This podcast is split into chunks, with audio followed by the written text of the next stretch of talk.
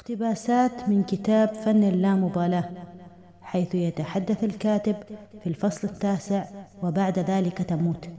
ففي مواجهة حتمية للموت لا مبرر أبدا لأن يستسلم المرء أمام خوفه أو حرجه أو شعوره بالخجل لأن الأمر كله أكثر من قبضة لا شيء. إذا أمضيت القسم الأكبر من حياتي القصيرة تجنبا ما هو مؤلم ومزعج فهذا يعني أنني أتجنب أن أكون حيا. الموت يخيفنا ولأنه يخيفنا نتجنب التفكير به حتى لو أصاب شخصا قريبا لنا.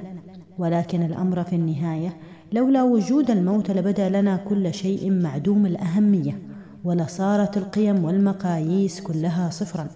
العبرة أن حياتنا ليست محض صدفة.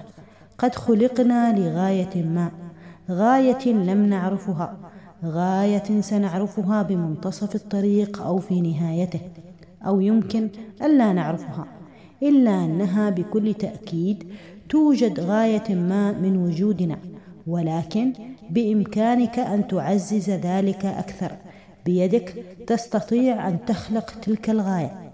فمع موتك ستعتقد أن كل شيء سينتهي ولكن قصة خلودك بإمكانك أن تكتبها بإمكانك أن تجعلها غير, تجعل غيرك يتذكرك بعمل ما بتطوير شيء ما بداخلك. الموسوعات العلمية بفعل إنساني ما يجعلك بذاكرة الكثير من الأشخاص الذين غيرت حياتهم.